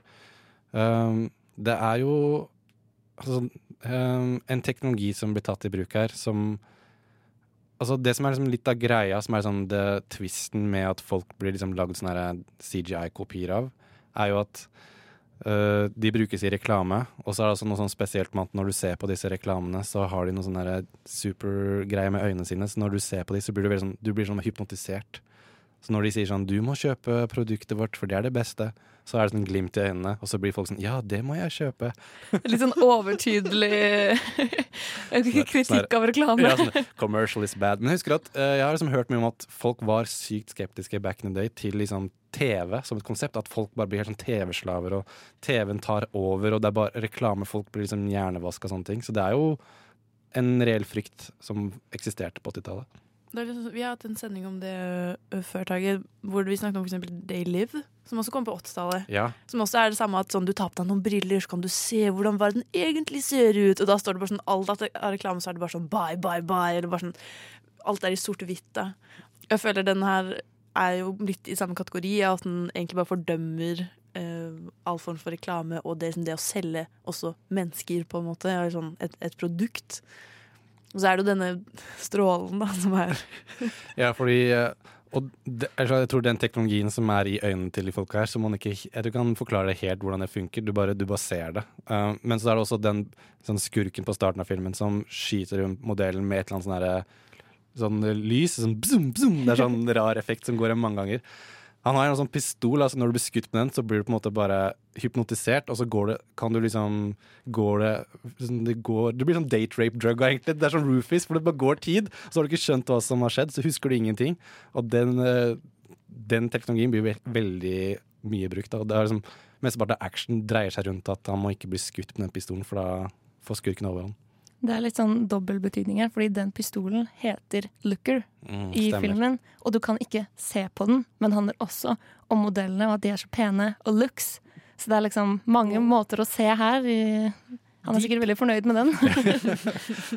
Men eh, det er sånn særlig én gang hvor Jo, for at han blir skutt eh, eller Han er liksom i sånn, eh, sånn slags sånn duell med han fyren. Uh, altså Hovedkarakteren vår er med han skurken som har pistolen. Som er liksom the main henchman til the digital matrix. Og så er de i sånn rom, og så plutselig bare Aha, jeg tar på meg så svære solbriller. Og så blir han sånn skutt med det. Som bare Å, nå kan ikke du skyte meg. Jeg husker ikke om de reflekterer Jo, tilbake. han blender. Han blender han tilbake igjen. Og, og dette er det morsomste. Han blir skutt, men så har han på seg svære solbriller, så det reflekterer tilbake igjen. Og så blir han fyren sånn helt sånn blir sånn fryst stille. Og så står han litt med sånn spredde bein, så tar han legen og bare sparker han i balla. og jeg fikk så jævlig latterkrampe da jeg så det. For det er sånn, dette ser jeg for meg han vil ha som sånn her cool action, men det er så komisk. Men det, det skal jo ikke være komisk. Men man ler jo på liksom alle de feil stedene. Men jeg føler også at han har bare en veldig rar måte å bruke musikk på også. For det er også veldig intens og rar sånn science fiction-musikk i den scenen. hvor sånn Og jeg ble bare sånn «Hva? Jeg skjønner ingenting! Og jeg forstod, ingenting av den pistolen. Bare, det var, alt var veldig rart forklart, egentlig. Som var veldig utypisk eh, etter å ha sett da Koma og eh, Westworld, som var veldig overtydelig igjen. da. Mm. Jeg følte at her var det ikke så veldig mye Var det ikke så viktig å vite hva som skjedde, egentlig? Jeg følte at han kanskje ikke visste det helt selv. Fordi jeg følte reglene var ikke helt etablert i det universet. Og selvfølgelig ender han jo filmen også med en chase-scene, når han ikke vet hvordan han skal forklare noen ting. Mm. Og da, særlig på slutten uh, Dette er også en film hvor du må virkelig følge med for å skjønne helt hvor du er. Men så, særlig på slutten hvor de er i et eller annet TV-studio hvor folk ser på sånne reklamer med sånn, hvor det bare er sånne CGI-karakterer som blir spilt inn. Men det, de spilles inn på et eller annet rart sett. Hvor det er masse sånne grønne firkanter på bakken og sånn filmsett med sånn ekte rekvisitter og sånne ting. Men så er liksom alle menneskene eller karakterene i denne reklamen er bare sånn CGI. Men når de begynner å ha sånn chase-scener i settene, så ser du plutselig at det er en sånn reklame for en bil, men så ser du at han driver og ligger inn i bilen og gjemmer seg, og så plutselig så ser du at han, det er en fyr som ligger død oppå et bord, som blir liksom og så plutselig så bare ser du at det, ligger, at det er en familie rundt bordet, og så ligger det en død mann oppå der. Sånn. Jeg, jeg bare syns det var så komisk, hele greia, for det bare er så, så søkt. Det bare er så rart. Veldig spasa. Men jeg følte sånn, av filmene hans så syns jeg denne var minst fengende. Det var den jeg gledet meg mest til det skulle ta slutt. Og som jeg ble minst investert i karakterene. Og som jeg følte bare Den hadde kledd seg best som en episode av Criminal Minds eller en eller annen sånn derre eh, morsom eh, krimserie. Hvor dette er litt sånn å, twist. Eller Black Mirror, da, hvis jeg hadde gjort den litt sånn kulere, kanskje. Mm. Og eh, som du sa, filmen bare slutter. Ja. Alltid. Brå slutt. Brå slutt. Det er sånn, han kan virkelig ikke avslutte filmer. Nei, virkelig ikke. Det virker som han bare har Han bruker altfor mye tid på da, disse konseptene. Og så er det bare sånn ah, ja. Eh, hvordan skal jeg avslutte det her? Eh, hva hvis de bare sier litt sånn Haha, dette var, dette var litt av en kveld, og så bare du-du-du-du, filmen er ferdig. Men det er jo sånn det føles ut derfor, Hvorfor har han jo bare ikke lagd mer serier? For han har, lager jo egentlig bare episoder hvor det er sånn 'ses igjen neste gang' type episoder. Det er veldig sånn, det er jo bare filmene hans. At de føles som en dårlig serie. Som, eller en litt morsom serie, da. Oi, hot take. Ja. jeg, bare, jeg var ikke så fan av Looker. Selv om jeg merker at Tage er litt mer fan enn meg. Ja, for jeg syns den var så ufrivillig morsom. Altså, den, er sånn, den er liksom så dårlig av og til at det blir gøy. Hvis du skjønner Men da er den ikke bra. Det er uh, opp til hver enkelt å bedømme. inn. Altså, jeg hadde det mer gøy med å se på Looker enn jeg hadde se på Koma, Fordi da falt jeg nesten i koma når jeg så den filmen. Oh. Hardt, hardt. hardt, hardt. Ja, men uh, Looker, jeg vil si se den. Dere andre, kanskje ikke. Jeg tenker Den vekker mye tanker om både sånn sosiale medier, hvorfor, hvor opptatt vi er av å være perfekte. Jeg føler at den var ganske tidlig ute med de konseptene, og det er litt kult at man kunne egentlig spå det så lenge tilbake. da. Mm. Det er sant. Men hvis du hører på denne sendingen og tenker sånn Å, jeg vil sjekke ut han her, han er en kul fyr. Ikke begynn med denne filmen, tenker jeg. Kan vi være enige om det? Kanskje bare søk eh, sånn klipp fra filmen på YouTube. Kanskje du finner de kuleste scenene, eller kuleste, de morsomste scenene. Den skytescenen ligger ute på YouTube. Nice. Sjekk ut skytescenen fra Looker. Godkjent av Nova Noir. Vi skal bevege oss videre til eh, den, en av de siste filmene han regisserte, som heter Physical Evidence, kom i 1989. Uh, først Oss to av Torleif Brattvall. Vi skal snakke om en ny, og det er den siste vi skal snakke om av Michael Crichton i dag, nemlig Physical Evidence fra 1989. Hvor det da starter med et, eh, et, lik som blir funnet, som blir uh, kobla på godeste Er det John Paris han heter? Ja. ja. Joe Paris. Joe Paris, som er spilt av Burt Reynolds. Og eh, han har jo selvfølgelig ikke gjort det, påstår han, og så starter et slags eh, litt sånn courtroom-drama, thriller, også litt sånn derre Hvem er det egentlig som står bak denne konspirasjonen her? Trouble with your garbage, Joey? Joe Paris is a good cop with a bad temper. Well, look has been. I didn't throw my partner through a plate glass window trying to protect some beaner in the act of committing a felony. Jenny Hudson is a public defender with a personal agenda. My tail's going to be in a crack for not putting one of the old pros on this. I am better than one of your old pros. This is a big time, little girl. You wanted high stakes, you got 'em. Together, they must follow the leads. Joe was with me the night that Farley was killed. Joe was here all night. You are lying to me. Find the killer I'm going to put a hole in your head! And prove he is innocent with physical evidence. Physical evidence. Ja, og, så det er jo altså Joe Paris, eh, han eh, er jo en sånn litt sånn røff kopp, eller sånn eh, sk eh, politimann. Så eh, det starter egentlig med at eh, han ikke husker hva som skjedde kvelden før, og så er det et lik hvor det er veldig mye sånn Alt er liksom kobla opp til han, litt sånn som i eh, Litt sånn som også i Looker. Ja, ja, ja. ja.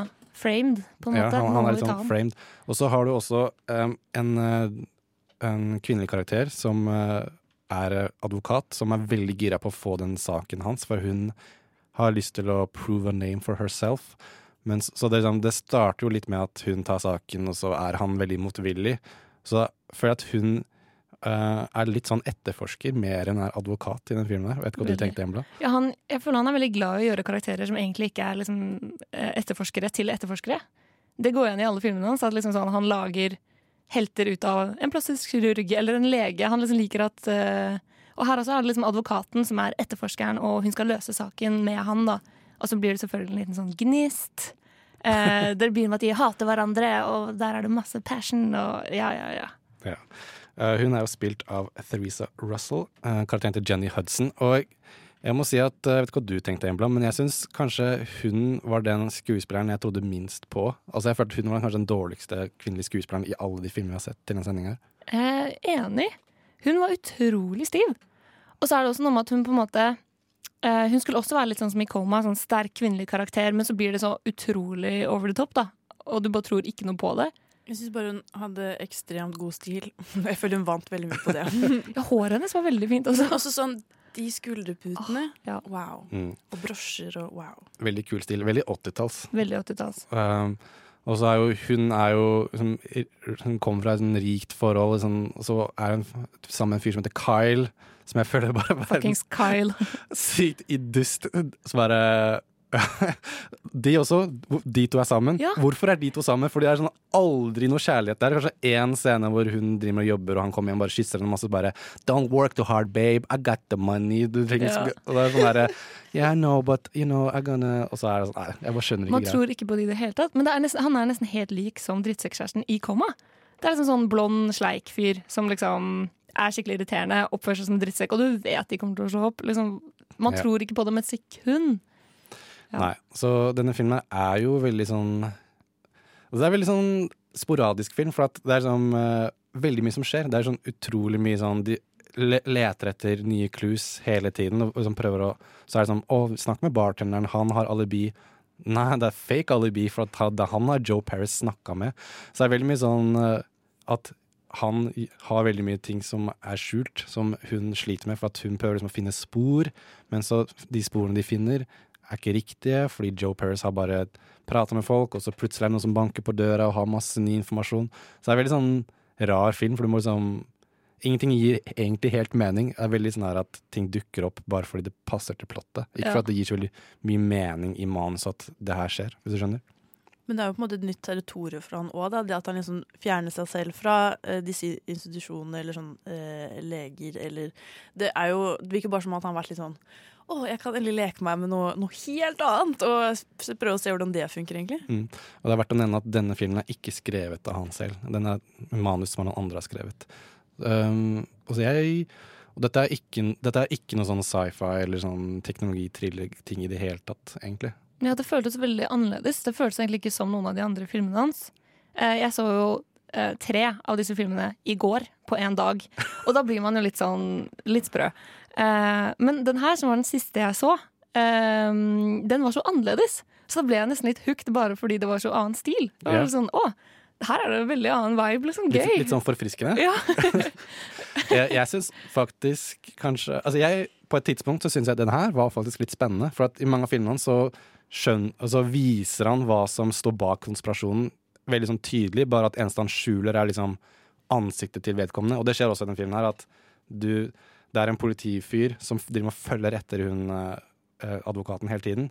Så det er sånn så driver hun og snakker med han derre district adjourn... Uh, hva heter det? DA. Ja, DA. District Attorney. Hvorfor har du en fyr som følger etter meg? Nei, vi gjør ikke sånn, så det er, sånn her, det er ikke vår fyr. Ja, særlig.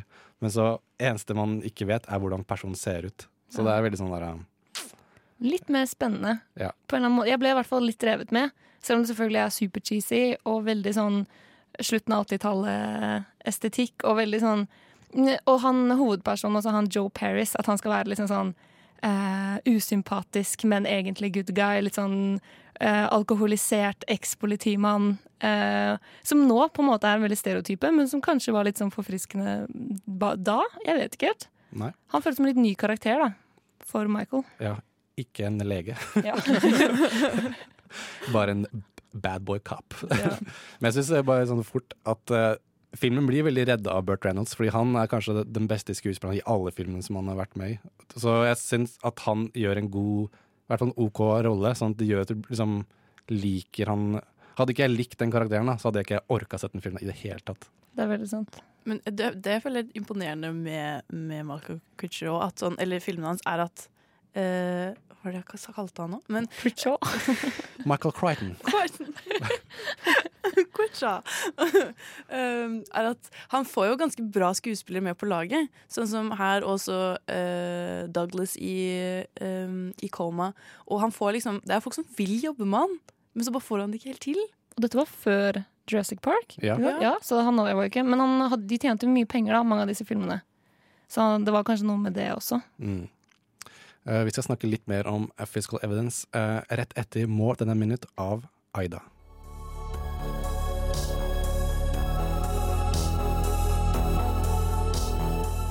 Du lytter til Nova Noir.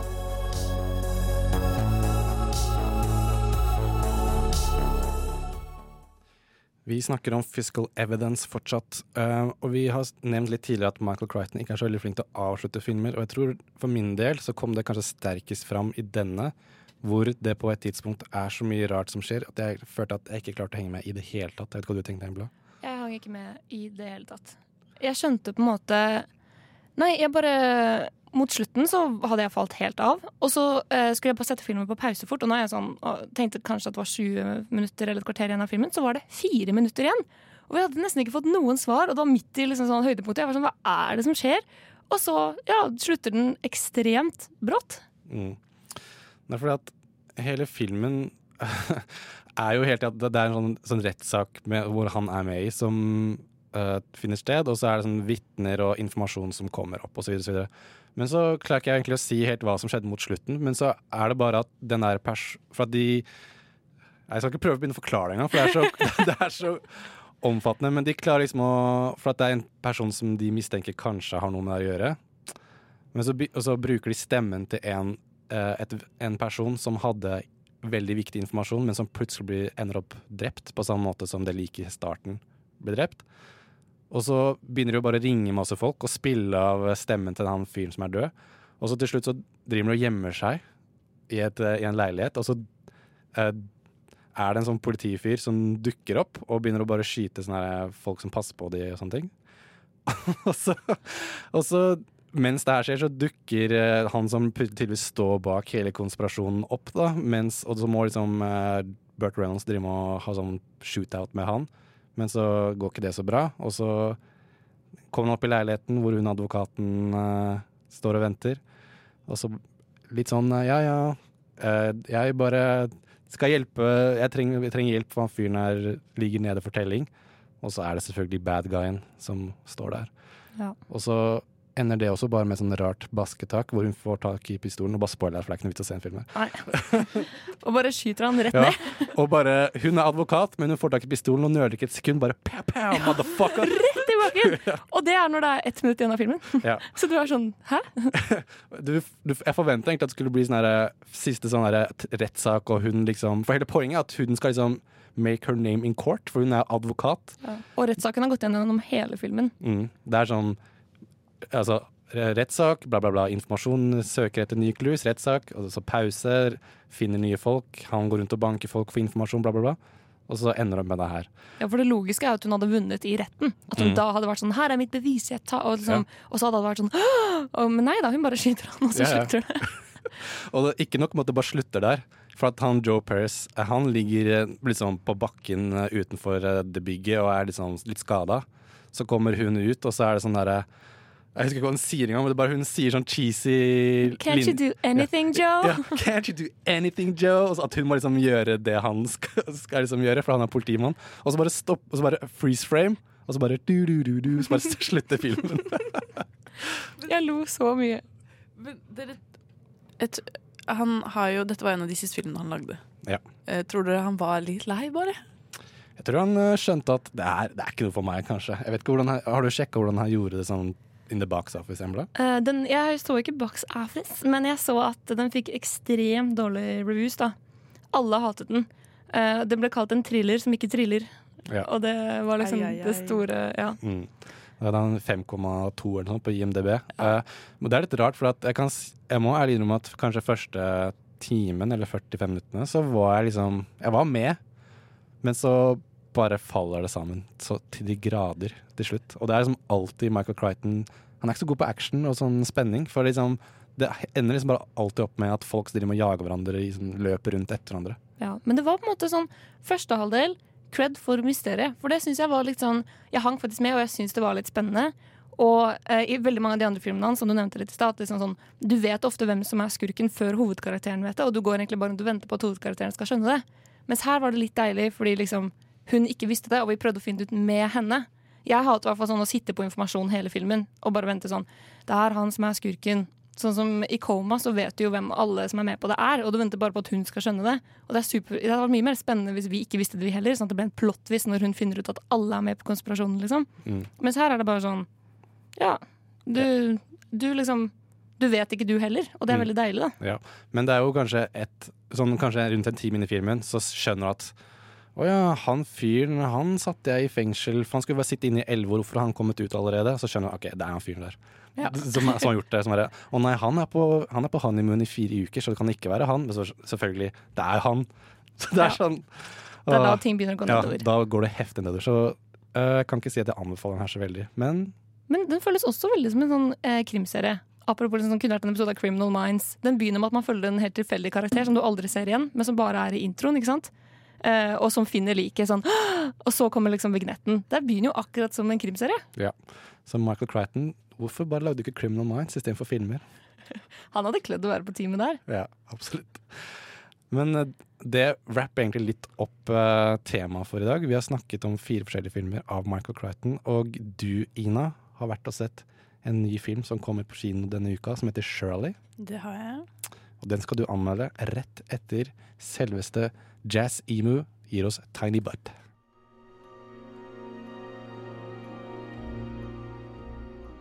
Ukens kinopremierer.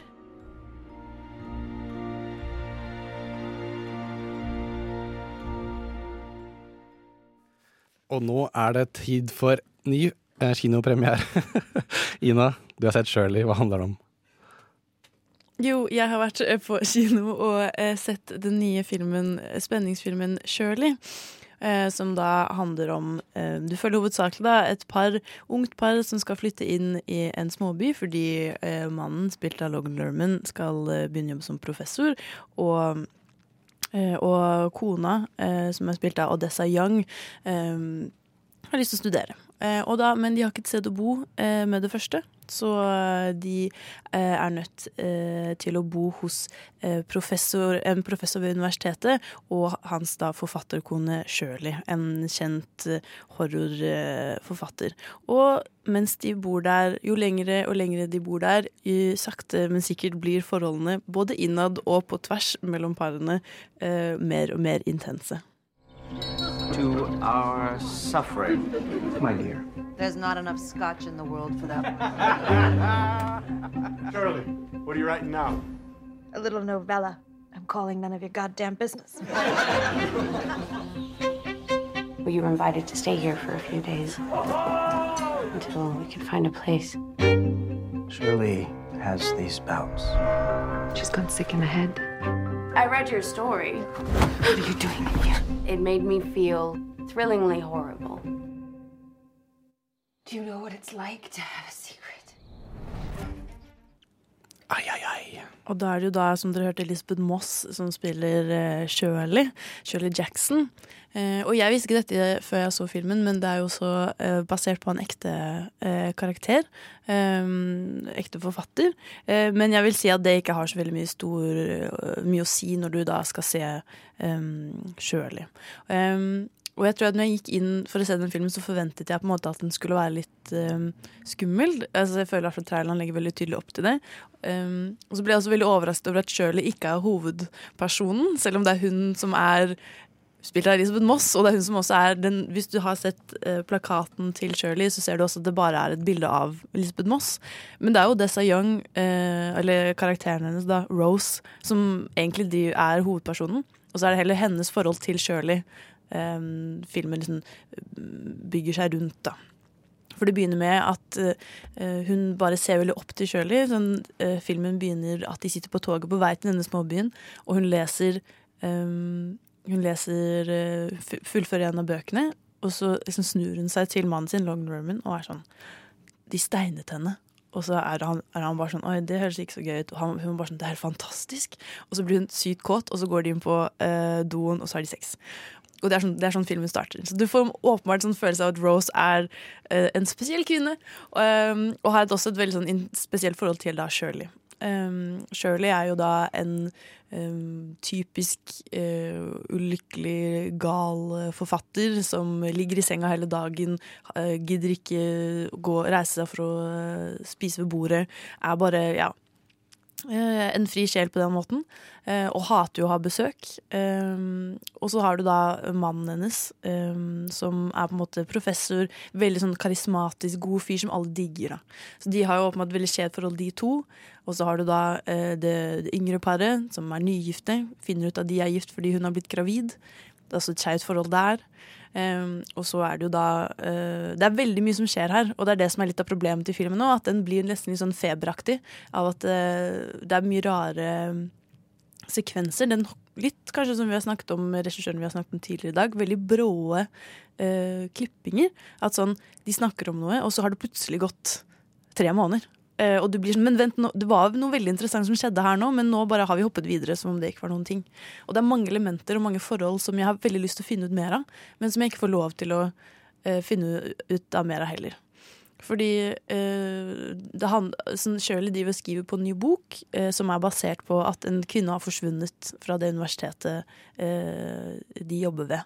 Eh, og så handler det om da, hvem var hun? Hvorfor forsvant hun? Og det er litt det den prøver å eh, tematisere liksom hva, hvilken rolle kvinner har i familielivet, hvilken rolle kvinner har i ekteskapet. Den prøver å være veldig sånn empowering, men samtidig, fordi det skjer så utrolig mye, så klarer jeg ikke å holde tak på noen ting, da. Men klarer man å henge med? Ja, det syns jeg. Eh, fordi den er liksom ikke inten... Eller sånn, det, er det, det, det er ikke vanskelig å følge med. Det tror jeg altså kommer av at jeg syns det er et ganske dårlig manus. Um, jeg ble veldig sånn irritert, fordi du har liksom så mange gode skuespillere her. Du har Elisabeth Moss og nå husker jeg ikke hva uh, mannen hennes heter, men han som spiller faren i Call Me By Your Name. Um, og du har, liksom sett mange av disse karakterene før. Men det er veldig cheesy og veldig åpenbare karakter... Nei, um, sitater. Og, og, veldig sånn Jeg kan liksom gjette hva de skal si, da. Og det føler jeg er veldig synd. Fordi det er en sånn, for først en veldig sånn en film som er basert på bøker, og som burde liksom lene seg veldig på eh, et trygt manus. Men eh, føler også at sånn, den ikke klarer helt å um, være så løssluppen som den kanskje ønsker, da. Men ja. Jeg føler at eh, hvis du er Jeg syns det er en kul film i den forstand at det er eh, spennende å se Elisabeth Moss i en helt annen rolle enn det du vanligvis er vant til å se. Hun er mye mer følsom her enn hun er i f.eks. Handmaid's Tale. Og det syns jeg er litt kult at hun får lov til å liksom, leke seg litt med, um, med, det. Men det er bare eller egentlig Elisabeth Moss som har vært å se filmen for, og hun er ikke hovedperson engang. Så det syns jeg er litt interessant, bare. Men anbefaler du å dra og se den på kino? Nei.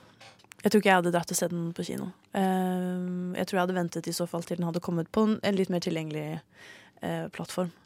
Så jeg tenker at jeg lander på en, en, en fem av ti, egentlig. Midt på tre, rett og slett. Midt på tre. Ikke noe verken veldig bra eller veldig dårlig. Bare satt der og ble litt sånn forvirret, egentlig. Men det var jo helt greit, egentlig. Jaså, jaså. Fem av eh, ti til Shirley. Uh, vi er straks ferdig for i dag, men ikke helt ennå, fordi nå skal du høre 'Hun er naken' av Sim Gull og Markus ASM. Selveste Slim Gull, ikke Sim, som jeg sa i stad. Uh, det var egentlig dagens sending. Vi har snakket om Michael Crichton, og vi har også hatt to anmeldelser. Du, Embla, ga On The Rocks seks av ti. Yes. Anbefaler du å se på kino? Ja. Eh, ja. ja. Ta med deg noen og se den. og så har du eh, anmeldt Shirley nå nettopp, Ina, som du ga fem av ti. Så du kan egentlig bare ikke se på kino. Vent til uh, den bare dukker opp gratis. Se On The Rocks i stedet. Ja. Ja, altså, den er én karakter over, da. Det er en ganske alminnelig dag. Men det er fortsatt Sofia Coppola. som du kan lese mer om i anmeldelsen min på radionova.no. Yes. Og du kan også høre Nova Noir på podkast. Spotify, SoundCloud, vi er der du hører podkast.